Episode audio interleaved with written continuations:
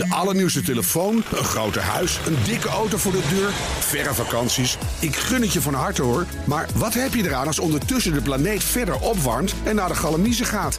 Wil je echt weten hoe het zit en wat we eraan kunnen doen? Luister dan naar BNR Duurzaam. Elke maandag tussen 3 en half 4 op de radio en altijd online als podcast. Want die volhoudbare wereld, die maken we samen. BNR Duurzaam wordt mede mogelijk gemaakt door Milieuservice Nederland. De ondernemende afvalpartner voor zakelijk Nederland. De verkiezingen. Het is vijf over half vijf. Goedemiddag. In aanloop naar de verkiezingen spreken we de mannen en vrouwen achter de lijsttrekkers over de plannen die hun partij heeft. En vandaag is de beurt aan Henk Nijboer, nummer drie op de lijst van de PvdA. Een heel goedemiddag. Goedemiddag. En we gaan er meteen met een gestrekt been in. We beginnen met iemand die uw partij niet meer serieus neemt... namelijk Jacco Vonhoff van MKB Nederland. Hij reageerde bij ons op de doorrekening van uw programma. Die werd bekend een aantal dagen geleden. Waar een lastenverzwaring in zit voor ondernemers. Ja, dat, dat, dat kun je niet doen als ondernemers uh, de middelen niet hebben... om hun bedrijven überhaupt in de benen nee. te houden. Met 42 miljard lastenverzwaring... Ja, houden we denk ik heel weinig MKB in Nederland over. Hij zegt de PvdA kan ik gewoon niet meer serieus nemen. Snapt u hem? Uh, nou, ik snap wel dat, uh, dat ondernemers denken van... nou ja, dat is wel een forse lastenverhoging. Maar ik ben er van mening dat we een enorme investering moeten doen... in onderwijs. in, dat is achteruit gekacheld in Nederland... in de volkshuisvesting, in de woningbouw. En ook in een duurzame economie. En daar hebben ook ondernemers heel veel baat bij. En dat laat onze doorrekening ook zien. Hè. Als je kijkt naar onze economische groei de komende jaren... naar de werkloosheid, die ligt een vol procentpunt lager dan voorzien is. En het scoort ook het beste van alle partijen. Dus als je alle maatregelen tezamen neemt... Uh, laten wij zien dat we eigenlijk voor een sterkere en socialere economie zorgen. Ja, maar tegelijkertijd als je een bedrijf hebt, dan zie je in uw programma vennootschapsbelasting omhoog, werknemers moeten meer zeggenschap krijgen, minimumloon omhoog, maximale loonverschillen op top- en werkvloer uh, moeten er komen, er moet een automatische prijscompensatie in de CEO komen. Het wordt er niet leuker op onder de PvdA als je een bedrijf hebt. Nou, ik denk dat het er veel fijner op wordt. Ik denk dat je kunt uh, zien, ook in de coronacrisis... dat de mensen met een flexibel contract of een tijdelijk contract... of ZZP'ers in uh, bijvoorbeeld de horeca uh, werken... of in de culturele sector, dat die de rekening van de crisis betalen. En u zegt het inderdaad terecht. De winstbelasting, overigens voor grote bedrijven... Hè, dus vanaf twee ton winst. Dus als je een MKB'er bent, die, je bent slager... of je bent groenteboer, dan moet je al meer dan twee ton winst maken... voordat je dat kan, gaat merken. Ja, maar er zijn ook grote MKB-bedrijven, hè? Zeker, en die moeten 30 belasting betalen. En dat vind ik heel reëel. Dat is overigens in Duitsland en Frankrijk niet veel anders. Dus dat zijn geen percentages waar je van uh, achterover hoeft uh, te vallen. En dat gebruiken we om te investeren in, uh, in bijvoorbeeld onderwijs. De leesvaardigheid in Nederland, een kwart van de leerlingen... van de mensen kan dan niet meer fatsoenlijk lezen. Ja, daar hebben we echt een offensief voor nodig om dat aan te pakken. Dat is ja. ook in het belang van ondernemers. Maar, en inderdaad, daar verhogen we de belastingen voor. Ja, met 5 procent. En dat in de crisis. Nou ja, goed, als je geen winst maakt, hoef je ook geen belasting te betalen. Hè. Zo simpel is het ook bij de winstbelasting. Dus inderdaad, als je als ondernemer goed boert nu... en er zijn bijvoorbeeld ook Google, Apple, Facebook... die maken miljarden winsten, betalen amper belasting... daar maken we wel een einde aan. Ja. Dat is scheef gegroeid in Nederland. En daar maken wij een einde aan. Die en, laten wij een bijdrage leveren aan onze collectieve voorzieningen. En die en politieke keuze sta ik volledig achter. Zo Jocko Vonhoff van MKB Nederland, die zegt... Uh, en daar zitten ook ondernemers bij die ook uw partij stemmen. Die zegt, ik kan dit gewoon niet meer serieus nemen. Dat moet toch een signaal voor u zijn. Je zegt, ja, misschien zijn we een beetje doorgeslagen in onze. Uh, uh, het MKB als een pinautomaat gedachte.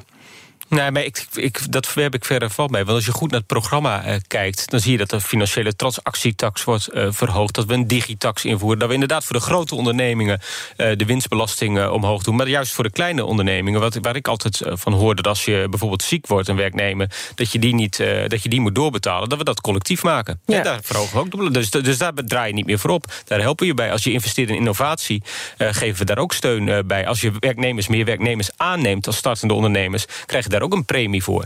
Dus er staan ook heel veel voorstellen in die voor het MKB uh, goed zijn. En, en als je investeert in de bouw, wat wij het meest doen van alle partijen... Hè, de woningbouw, de volkshuisvesting, de oplossen van de woningnood... dat zijn natuurlijk ook bedrijven mee gemoeid. Dus per saldo, en daar zijn die doorrekeningen natuurlijk goed voor... kun je zien wat de uitwerking is op de economie. En dat scoren wij geweldig. Maar toch, hè, veel partijen leggen de rekening bij het bedrijfsleven. Dat, dat zien we allemaal. Eh, maar niet zoveel als u. Bent u niet bang dat uw partij zich hiermee buitenspel zet? Omdat het gewoon zo buitensporig is vergeleken bij de rest? Nee, dat ben ik niet. Uh, er is echt wel wat scheef gegroeid hè, in, uh, in Nederland. En e-, eerlijk gezegd ook wel in de wereld. Als je ziet wat uh, mensen steeds meer moeten betalen... Hè, de afgelopen jaren steeds meer belasting hebben betaald... en bedrijven steeds minder. en dat willen we wel rechtzetten. En we willen onze collectieve voorzieningen willen we echt in investeren. Ook in goed openbaar vervoer. Kijk, de treinen zijn nu leeg. Maar als je ziet hoe vol die zijn en hoeveel huizen we nog moeten bouwen... hoeveel daarvoor nodig is om in te investeren... wat trouwens ook weer door bedrijven wordt aangelegd... Hè, in de duurzame economie. Ja, dat, daar kiezen wij voor. Dat vind ik een bewuste keuze en daar sta ik volledig achter. En het CPB heeft het allemaal, u kunt dat netjes nalezen... heeft het allemaal uitgerekend en laat zien dat wij uh, zowel op werkgelegenheid... als op werkloosheid, als op overheidsschuld... een heel goed uh, resultaat boeken. Je luistert naar uh, BNR in de middag. De gast is Henk Nijboer, de nummer drie op de lijst van de Partij van de Arbeid. En dan vraag ik me toch af, hoeveel beweegruimte is er nou in die onderhandeling? Want het wordt natuurlijk nooit die ruim 40 miljard... die u nu een verkiezingsprogramma heeft staan. En we zijn een compromisland. hoe gaat het er uiteindelijk uitzien wat u betreft? Ja, daar beginnen we natuurlijk na de verkiezingen pas mee. Om nou voor de verkiezingen, als mensen kunnen stemmen... al uh, je punten weg te geven, dat is niet te verstandige Ja, je wilt toch zeker weten van... nou, als ik op de Partij van de Arbeid stem... dan weet ik zeker dat ik sowieso, als zij mee gaan regeren... dat ik dit binnenhaal.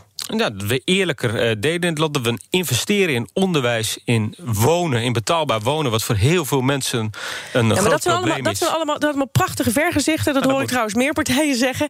Maar kunt u niet zeggen van... nou, één harde eis is bijvoorbeeld... ik noem maar wat, die vennootschapsbelasting moet, moet omhoog. En anders dan doen we niet mee. Nou, een hele harde eis voor ons is het uh, verhogen van het minimumloon. En dat ook gekoppeld aan de AOW en de uitkeringen. Waarom? Omdat mensen die nu werken... Uh, van hun loon niet meer rond kunnen komen. Niet meer fatsoenlijk kunnen bestaan. Dat je bijna Amerikaanse toestanden krijgt... dat je twee banen moet hebben om nog van rond te kunnen komen. En daar willen wij echt een eind aan. En dat is voor ons ook echt een breekpunt. Als het minimumloon niet omhoog gaat... Ja. Uh, gaat de PvdA niet regeren. Dan had ik nog een vraagje over het instemmingsrecht. Want ik heb natuurlijk even uw uh, verkiezingsprogramma doorgenomen. Werknemers krijgen instemmingsrecht bij grote beslissingen... zoals overnames, diversiteit aan de top, en die maximale loonverschillen tussen de top en de gewone werknemers. Ik denk dat er geen enkel bedrijf is die denkt... ja, dat is een briljant idee, dit, hier heb ik zin in. Gaan we zo nou, doen. Dat wordt toch nou, onbestuurbaar zo? Nou, als ik het zo... Nou, het is, u doet nog net of het iets heel erg uh, geks en vreemds is. Maar het is in Nederland een goede traditie. Het Rijnlandse model, dat je het een beetje samen doet. He, dat je het samenwerkt met werknemers. Het is ook niet de top die de winst boekt. Het zijn de werknemers van Ahold, he, van Albert Heijn... die, uh, die zorgen dat, dat de winkel draaiende is. En dat je daar ook lu naar luistert. Dat je daar ook rekening mee houdt. Ook in de verhouding tussen top en personeel. Dus ook voor de, voor de motivatie ja. erg belangrijk. Maar ook bij fusies en overnames... die echt niet alleen maar vanwege het betere bedrijf bedrijfsfunctioneren worden gedaan... maar ook omdat vaak de toplieden er financieel op vooruit gaan... als ze worden overgenomen, ja, dat je daar een tegenmacht tegen organiseert. Maar we zijn in, in Nederland, als je, als, je kijkt naar de, als je kijkt naar de, de, de instemmingswetgeving... Uh, die je hebt inderdaad als OR al... dan zijn wij al behoorlijk een, een uh, buitenbeentje. Als je kijkt in Europa, maar zeker voor Amerikaanse investeerders... God, wat, wat ze daar in Nederland precies hebben, dat weten we niet helemaal. Maar dat is een soort uh, werknemers zelfbestuur. Zo wordt het gekarikatureerd de, de, nou, karikatuur van gemaakt. Nu maakt u het nog erger. Ik denk dat het een enorme kracht is van Nederland. En ook de afgelopen jaren, of het nou NSC was, die als krant is overgenomen... of uh, in de kinderopvanginstellingen uh, uh, die zijn overgenomen... die zijn helemaal bij de HEMA, die zijn helemaal leeggeplukt door private equity partijen. En werknemers waren daar tegen en konden dat niet tegenhouden. En daar ben ik wel voorstander van. Als er een investeerder komt die een, een goede plannen heeft... om een bedrijf sterker te maken, dan ben ik daar voorstander van. Maar het is vaak zo dat ze volgen dus, uh, volgepropt zijn met schulden... en uiteindelijk omvallen, de werknemers de dupe zijn... ja, daar wil ik tegen optreden. Dat is ook niet goed trouwens, ook niet voor de werkgelegenheid en economie... Hè, dat sprinkhanengedrag. Dus inderdaad, daar wil ik tegenmacht tegen organiseren. En dat past ook bij het Rijnlandse model dat we in Nederland kennen... en dat door het Anglo-Saxische aandeelhoudersmodel uh, wordt bedreigd. Ja, je ziet dat heel veel partijen, zelfs de VVD... op dat vlak wat, wat naar links zijn opgeschoven. Ik, ik kreeg een beetje idee, toen ik uw verkiezingsprogramma las...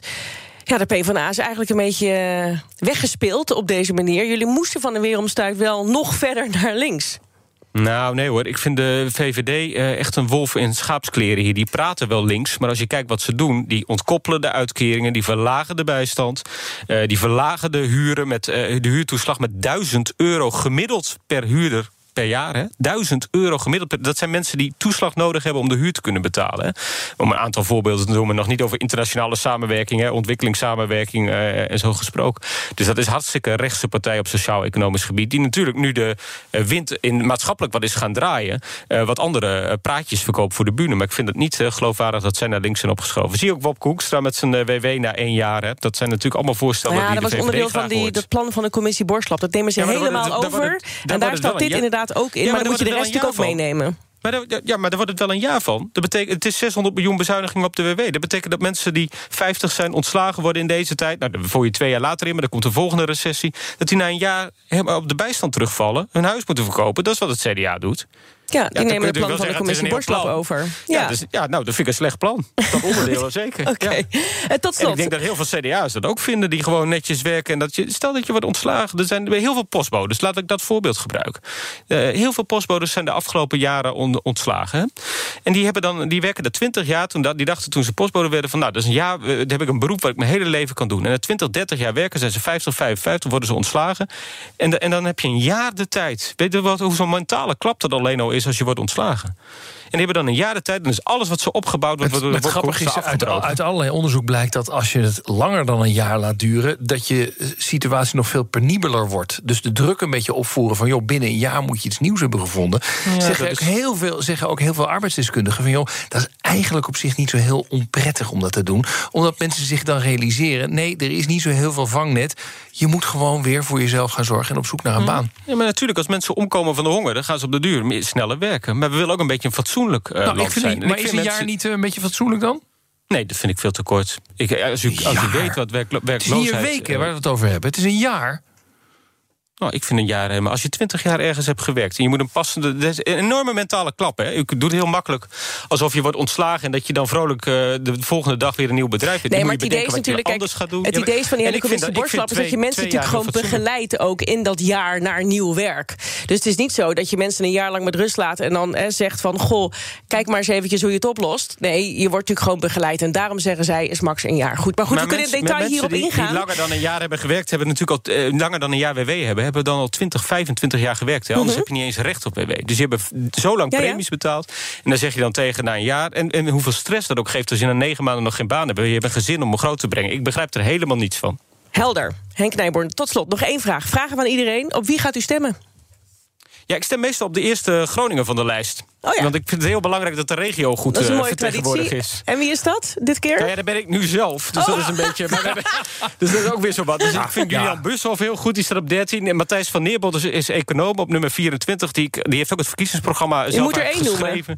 Dus dat vind ik ook eh, geweldig. Dus dat, eh, die, die gun ik ook een, stem, een voorkeurstem. Eh, want die zie ik heel graag in de Kamer terug. Maar u moet, u moet kiezen. Nou, ik moet helemaal niks. Ik, geef, ik, ik zeg dat ik meestal op de eerste Groningen stem. En dat ik Matthijs van Neerbos eh, nummer 24 van harte aanbeveel bij iedereen ook. Dank. Henk Nijboer, nummer drie op de lijst van de Partij van de Arbeid. Morgen spreken we Tamara van Ark, demissionair minister... en nummer twee op de lijst van de VVD. En al deze gesprekken die kun je terugluisteren als podcast. Gewoon even zoeken op Topgast in de De allernieuwste telefoon, een groter huis, een dikke auto voor de deur, verre vakanties. Ik gun het je van harte hoor. Maar wat heb je eraan als ondertussen de planeet verder opwarmt en naar de galamiezen gaat? Wil je echt weten hoe het zit en wat we eraan kunnen doen? Luister dan naar BNR Duurzaam. Elke maandag tussen 3 en half 4 op de radio en altijd online als podcast. Want die volhoudbare wereld, die maken we samen. BNR Duurzaam wordt mede mogelijk gemaakt door Milieuservice Nederland. De ondernemende afvalpartner voor zakelijk Nederland.